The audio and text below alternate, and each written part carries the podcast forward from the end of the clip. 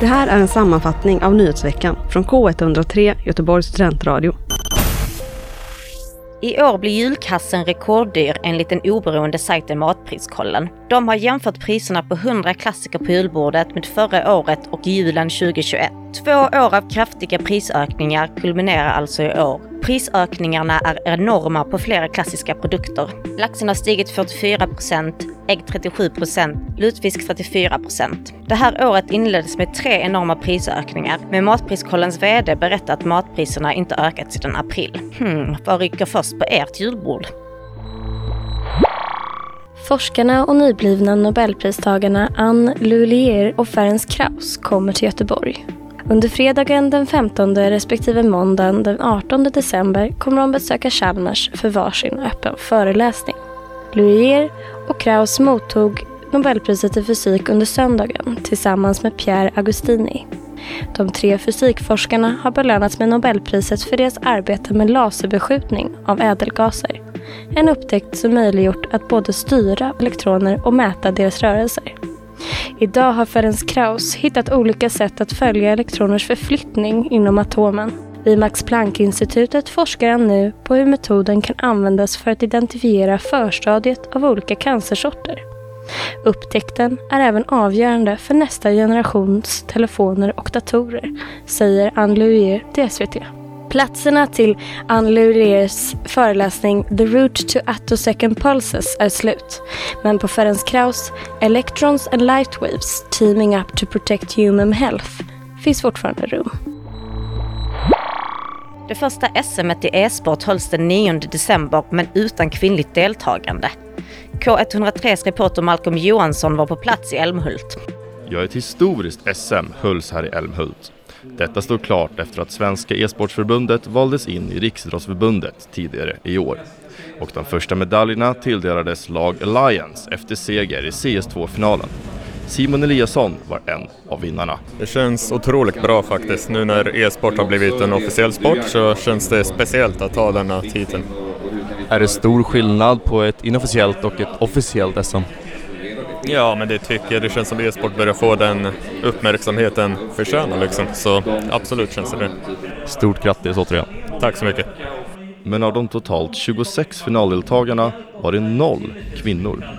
Damernas landslagskapten Tilde Byström om situationen. Just nu är ju kvinnor liksom i minoritet, tyvärr, i e-sporten. Eh, men jag tror att det är superviktigt att ha fler initiativ för liksom, kvinnor i sport och mera liksom, ja, men, tävlingar som de här bara för att fler tjejer ska få liksom, erfarenhet även om det kanske är på lägre nivå till en början. Västtrafik kommer att höja priset på sina biljetter. Enligt Norra Halland sänktes priserna med i snitt 2,6 procent i april detta år. Men nu höjs priserna med ungefär lika mycket. Enligt Västtrafik kommer priserna att öka i jämna 1 och 5 kronor. Därför ändras priserna för varje biljett annorlunda procentuellt. En månadsbiljett för studenter kommer att höjas från 610 kronor till 625. Priset på 24 timmarsbiljetterna kommer däremot inte att ändras. Prishöjningen kommer att gälla från och med den 7 januari 2024. Enligt Västtrafik själva beror ökningen på ökade räntor och bränslekostnader. Årets nobelpristagare i litteratur, Jon Fosse, har skänkt en outgiven bok till Nobelprismuseet. I söndags den 10 december hölls Nobelprisutdelningen. Den norska författaren Jon Fosse tog emot Nobelpriset i litteratur. I samband med sitt besök i Stockholm så har författaren också överlämnat fyra handskrivna anteckningsböcker till Nobelprismuseet. Och detta rapporteras av Dagens Nyheter. Anteckningsböckerna är första utkastet till Fosters nya roman Weim som beräknas komma ut nästa år. Foster skriver alltid för hand först innan han renskriver i datorn. Intendent på Nobelprismuseet, Karin Claesson, berättar att anteckningsböckerna är ett ögonblick ur skrivprocessen och att de visar på hantverket att skriva. Antalet personer som antagits till högskoleutbildningar våren 2024 har ökat med 4 procent jämfört med vårterminen 2023. Det meddelar Universitets och högskolerådet. Ökningen innebär att 29 lärosäten i Sverige tar in fler studenter jämfört med förra vårterminen. Lärosäten med mest ökat antal antagna är Högskolan Väst, Högskolan i Borås och Kungliga Tekniska Högskolan i Stockholm. Antalet behöriga sökande har också ökat sedan förra vårterminen. Något som däremot inte ändrats sedan förra vårens antagning är sökandets könsfördelning.